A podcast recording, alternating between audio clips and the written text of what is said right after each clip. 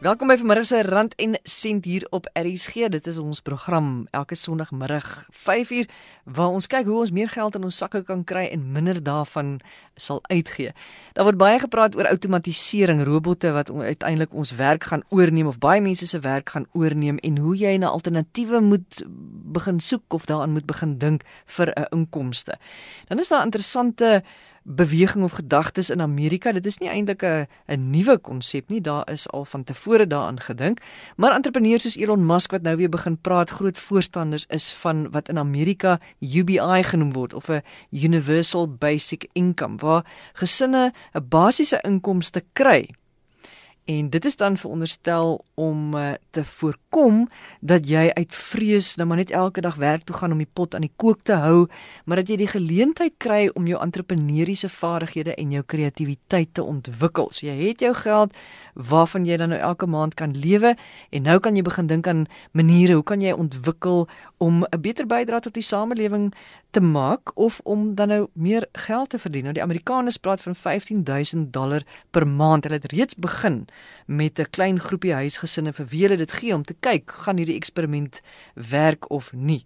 Nou hierdie is 'n baie lang inleiding, eintlik net om te sê ons gaan vanmiddag praat oor entrepreneurskap en eintlik meer spesifiek oor entrepreneuriese vaardighede wat jy vir jou kind kan aanleer en sommer vir jouself ook.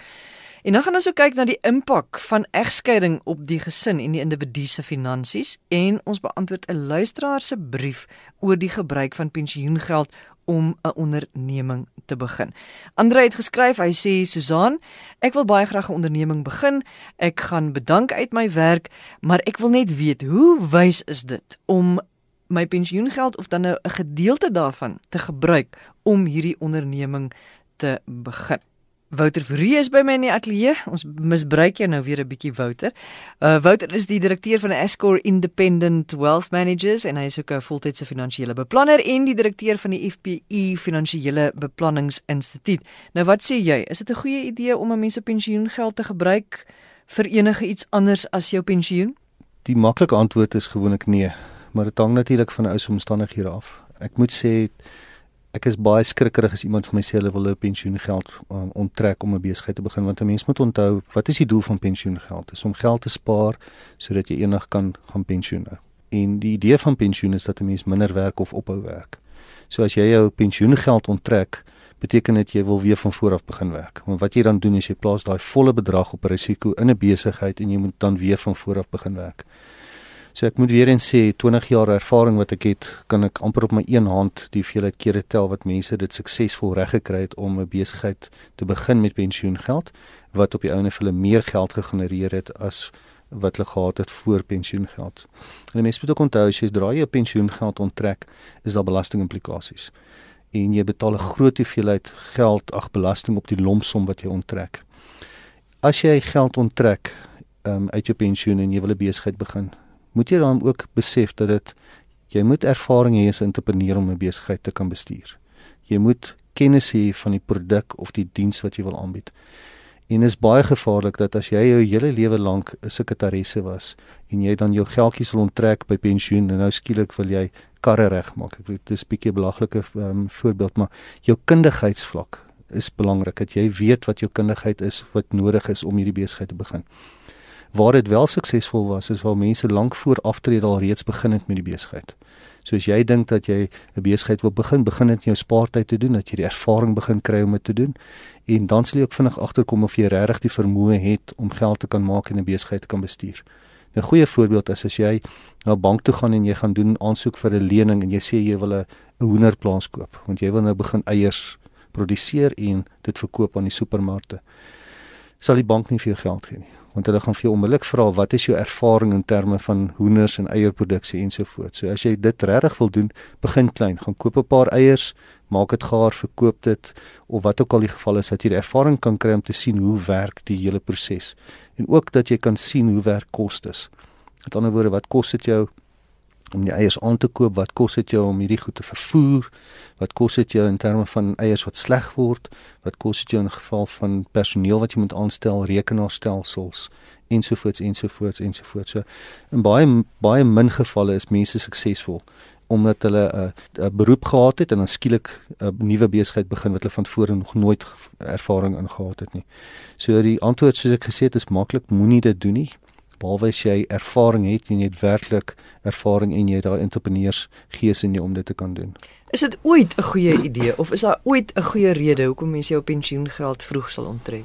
Daar is baie min gevalle. Alwaar dit regtig sin maak is as jy immigreer eendag, jy vestig jouself in die buiteland en jy het daarso burgerskap aanvaar, dan maak dit sin om jou pensioengeld te onttrek maar in meeste van die gevalle is dit nie. En hoekom ek dit ook sê is ons het al 'n paar keer gehad wat mense vir ons gesê het maar weet jy ek verander nou my werk, hier sit lot pensioengeld. Ek het nou die geleentheid om my geld te kan onttrek, my skuld af te betaal.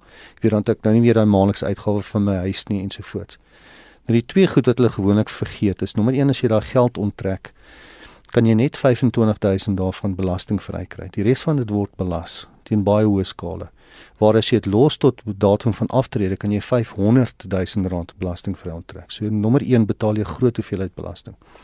Nommer 2 is mense verander nie hulle lewenstyl nie. So alhoewel hulle nou ontslaag geraak het van hierdie huisverband skuld, besef hulle nie dat hulle daai huisverband eintlik nog steeds as uitgawe het want hulle moet nou opvang die belasting ag die pensioengeld wat hulle nou onttrek het om hierdie skuld te kan betaal. En dis die grootste nadeel wat ons sien is mense verander nie hulle lewenstyl nie, verset, hulle besef nie dat hulle weer van voor af 0 rand begin en moet sorg vir hulle aftreebeplanning nie. En jy haal dit nie sommer in nie. Daar's 'n goeie oefening wat wat ons ook gebruik as ons vir kliënte wys die effek van saamgestelde rente waar 'n persoon vir 10 jaar lank het hy begin op ouderdom van 18 uit elke jaar het hy geldjies weggesit vir 10 jaar en toe het hy opgehou. En sy vriend het eers 10 jaar later begin om dit te doen en sy vriend het dit van van ouderdom 28 tot 65 toe het hy elke jaar daai geldjies weggesit. En met die effek van saamgestelde rente het die persoon wat eerste gespaar het op die ou en nog steeds met meer geld geëindig as die persoon aan die einde. So jy kan nooit daai geld inhaal nie. Jy kan nooit daai geld wat jy gebruik het inhaal in terme van jou spaar nie. Maar wat van die ou wat dink ag ek het nog net 10 jaar gewerk, weet jy, ek is nog baie jonk, ek het ek het 10 jaar gewerk, ek wil my eie onderneming begin, ek gaan daai geld onttrek. Nou weer eens om terug te kom na die ervaring wat 'n mens nodig het om onderneming te begin ensovoorts. Jy moet regtig in daai gebied wees. Jy moet goed gekwalifiseerd wees of goeie ervaring hê om 'n besigheid te maak werk na 10 jaar. En weer eens as jy daai geldjies onttrek na 10 jaar is pensioengeld wat weg is. So jy moet definitief 'n plan van aksie om daai geld in te haal binne kan die binne die volgende 10 jaar en nog voorsiening te maak vir die ekstra 10 jaar wat jy nou geldjies wegsit. So in baie min gevalle sal dit tot jou voordeel wees. Maar as 'n persoon 'n entrepreneur is en jy daai ervaring ensovoorts, is dit 'n manier om jou besigheid te begin, maar in meeste van gevalle sal ek dit nie aanbeveel nie. So met ander woorde, ons moet ons pensioengeld uitlos. Hoe hoe moet ons dink oor ons pensioengeld? As ons kyk na pensioengeld, moet mense gaan kyk na die belastingvoordele ook daar. So Susan, ek vir jou sê as jy vir my R1 van jou geldjies vat en dit wegsit vir jou pensioen, dan gaan ek vir 40 sent gee daarvoor. So effek wat jy dan het is jy sit eintlik kontantvliegewys 60 sent weg vir jou ou dag, maar jy kry R1 se voordeel. So dit is wat 'n ou eers moet besef, is die regering en die belastingstelsel help jou om te spaar vir aftrede. So dis die eerste beginsel wat 'n ou ten volle moet gebruik. Nou in terme van die huidige belastingwetgewing kan jy 27.5% van jou belasbare inkomste elke jaar wegsit in pensioen en jy kan dit van belasting aftrek nou magties dit is 'n massiewe voordeel wat 'n mens kry en 'n ou moet dit gebruik ten volle vir aftreebeplanning. So dis die vertrekpunt is maak gebruik van die vergunnings wat belasting vir jou gee vir aftrede. En dan moet 'n mens dit baie mooi klein maak in jou eie eie kop dat jy besef dis jou geld. Dis jou geld wat jy net een kan sit. Dis jy gaan dit nie nou spandeer nie, maar dit gee jou die gemoedsrus en die gemak eendag as jy aftree, het jy 'n geldjie.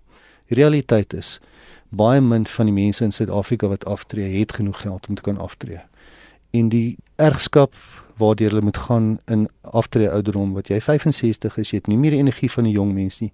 Nou moet jy nog steeds gaan werk.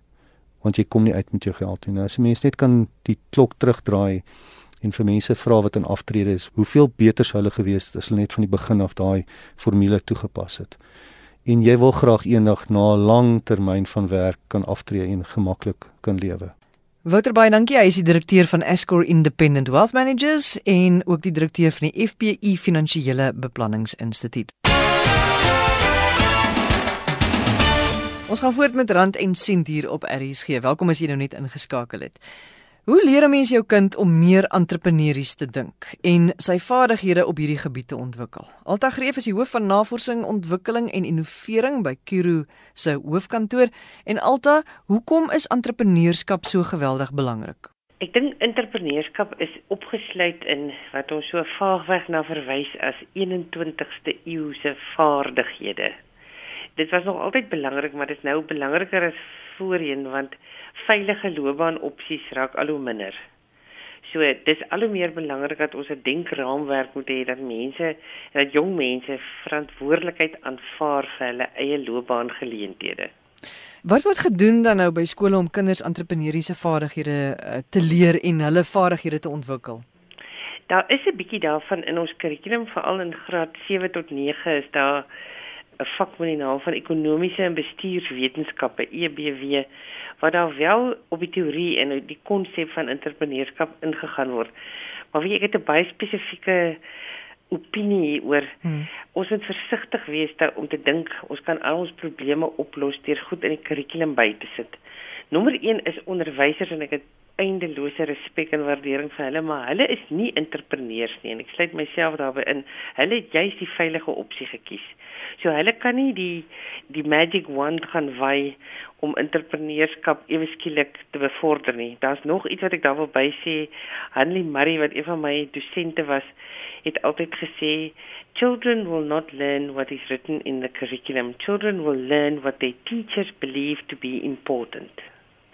En dit is hierdie denkraamwerk wat almal dit ouers moet ook hulle kant bring om hmm ons moet anders dink daaroor en ons moet vir kinders die geleentheid gee om hulle drome te bring na die tafel toe. Want ek dink dis waar die waar die fout inkom. Wat jy sê is so ongelooflik belangrik en dit is veral daai ding van kinders met hulle drome na die tafel toe bring en vry voel om om vry en groot te kan dink en te kan droom. Maar hoe leer ek dan nou my kind? Eh, jy weet of of sê nou maar is dit 'n talent wat dan nou net sommige mense het of kan almal van ons entrepreneurs wees as ons onsself daarvoor gaan oopstel? Weet ek dink daar sou altyd mense wees wat wat beter is dan mees ander, maar dit is 'n vaardigheid en 'n vaardigheid kan aangeleer word. En 'n vaardigheid saam met die regte manier van dink of die regte gesindheid amper is 'n wenkombinasie. So ek dink daar is weskry gebore entrepreneurs wat nog altyd, maar ons glo ons het amper geloof oor entrepreneurskap uh, wat uit die verlede uitkom dat dit dat dit iets is wat 'n mens gedoen het as jy geen ander akademiese loopbaan opsies gehad het nie. Ons moet daai denkwyse omdry.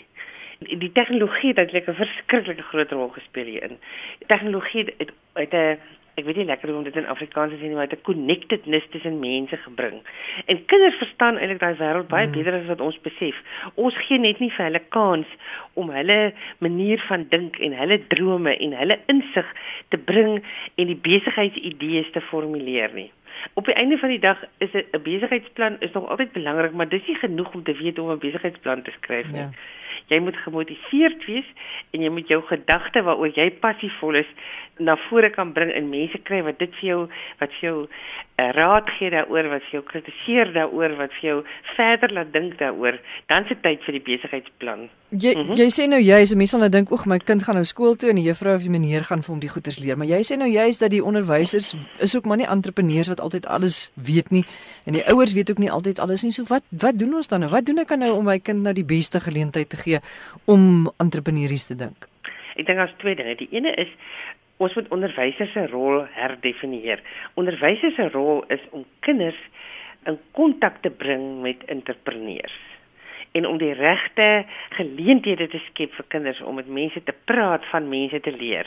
En ek dink daai rol as fasiliteerder is ontsettend belangrik. En weet daar's jong mense, daar's mense in ons land wat voordat hulle 30 jaar oud was, miljonêers was omdat hulle omdat hulle hulle besigheidsidee en hulle passie gevolg het. As 'n mens begin om rond te kyk en daarvoor te soek, is daar eintlik baie van dit. En ek weet dit is moeiliker in agtergeblewe omgewings, maar daai is iets waaraan ons regtig moet werk Die tweede ding wat ek wil sê uit ouers se oogpunt uit is dat as 'n ouer moet 'n mens die gesprek wat jy met jou kinders voer bewustelik bedink. Wat sê jy vir hulle? Hoe praat jy met hulle?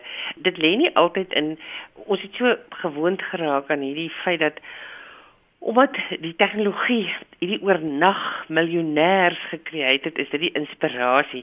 Maar dis nie al wat entrepreneurskap is nie. Entrepreneurskap kan ook wees om 'n wassery vir mense se klere op die hoek te gaan oopmaak, maar hoe jy jou kliënte kry is 'n totale ander ball game as wat dit in die verlede was, omdat tegnologie daar is.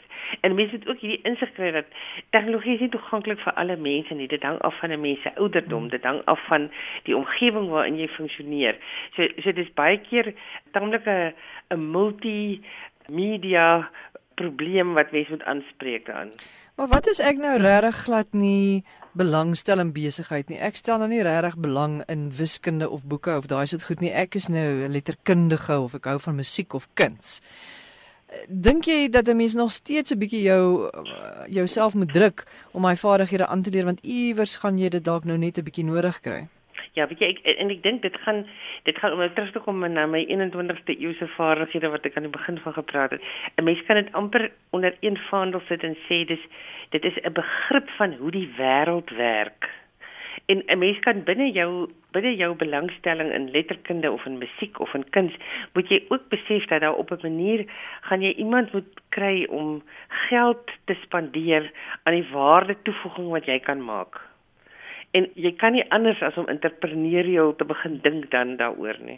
Wat ek en baie mense in in my bedryf wat wat vryskut werk en wat nodig het om nie net die werk te doen waarvan hulle hou nie, die kunsgedeelte nie, maar wat ook nodig het om 'n om 'n sakeonderneming te bedryf amper, want jy is verantwoordelik vir jou eie inkomste en jy moet weet hoe gaan jy jou kliënte kry? Hoe gaan jy jouself verkoop?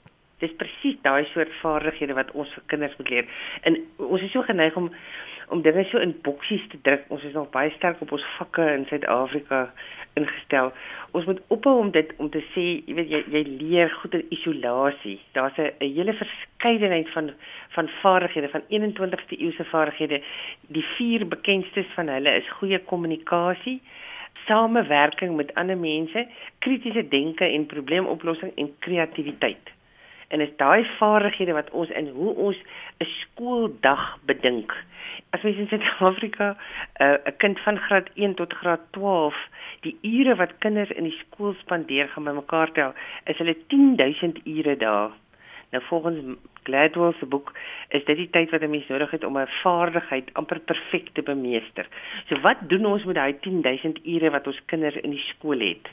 Ons moet begin om te dink daaroor dat die uitkoms van daai 10000 ure wat hulle daar spandeer het, moet wees dat kinders die wêreld verstaan en dat hulle vir hulle self sal kan sorg in hierdie wêreld wat moeilik. Dit is 'n moeilike wêreld.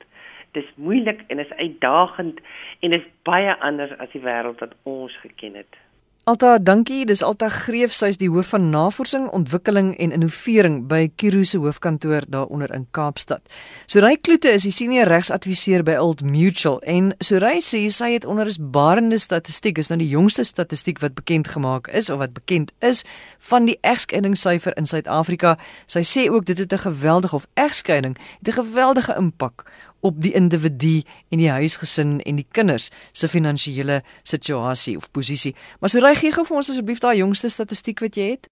Die jongste statistiek wat beskikbaar is is uit uitgekom van Stats SA en dit het gewys dat daar meer mense skei as wat in 2014 geskei het, meer mense in 2015 geskei.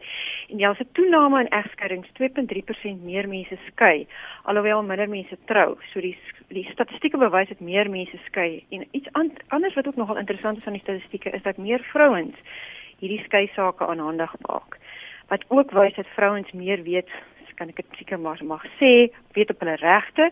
En nog iets interessant van hierdie statistieke is ook dat die vrouens gewoonlik om en by die ouderdom van 40 jaar is en mans is hier om en by 44 en in baie van hierdie gevalle het die huwelike nie so ver as 10 jaar gehou nie. So baie van hierdie gevalle, 45% van hierdie gevalle was die huwelike minder as 10 jaar. Nou wat is die finansiële impak van 'n egskeiding? Want ek neem aan dit maak 'n geweldige verskil want skielik het jy nou een huishouding waar jy dan ja. twee inkomste gehad het en nou is daar skielik net 'n huishouding met net een inkomste. Absoluut in die verlede kon jy moontlik twee inkomste gehad het om te help vir hierdie een huishouding en nou het jy twee aparte huishoudings wat nou definitief 'n gevolg is van die egskeiding.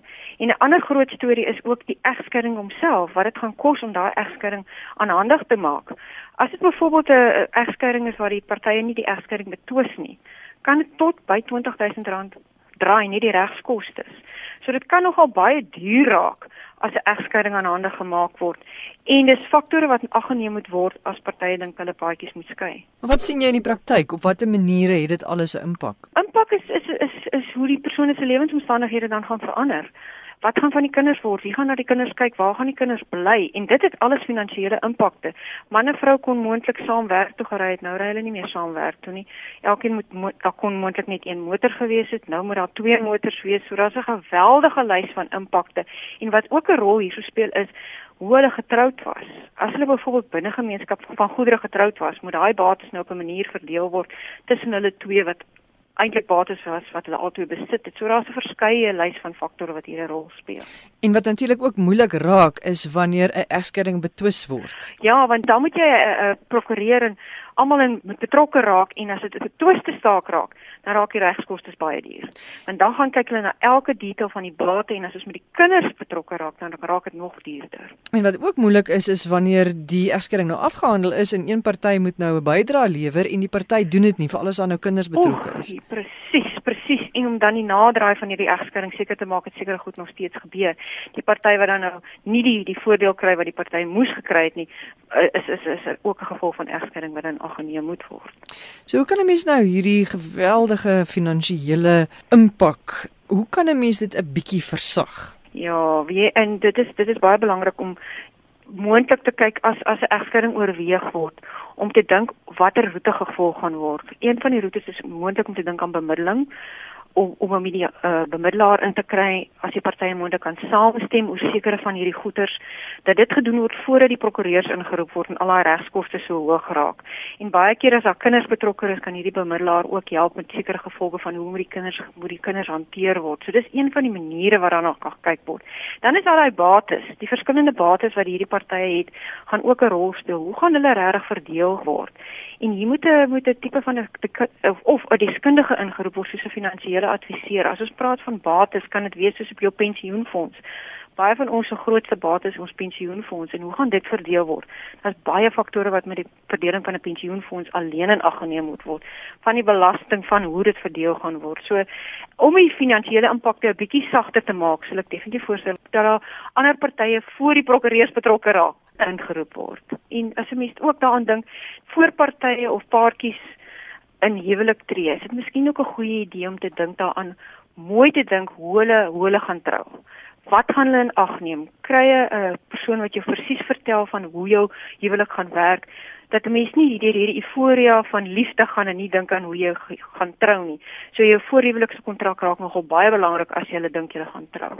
En wat vir my altyd kommerwekkend is, is dat twee mense gaan trou en en is baie lief vir mekaar en daar word babas gebore of kinders gebore en een van die twee besluit dan om by die huis te bly en na die kinders te kyk. Ja, ja. Wat dan?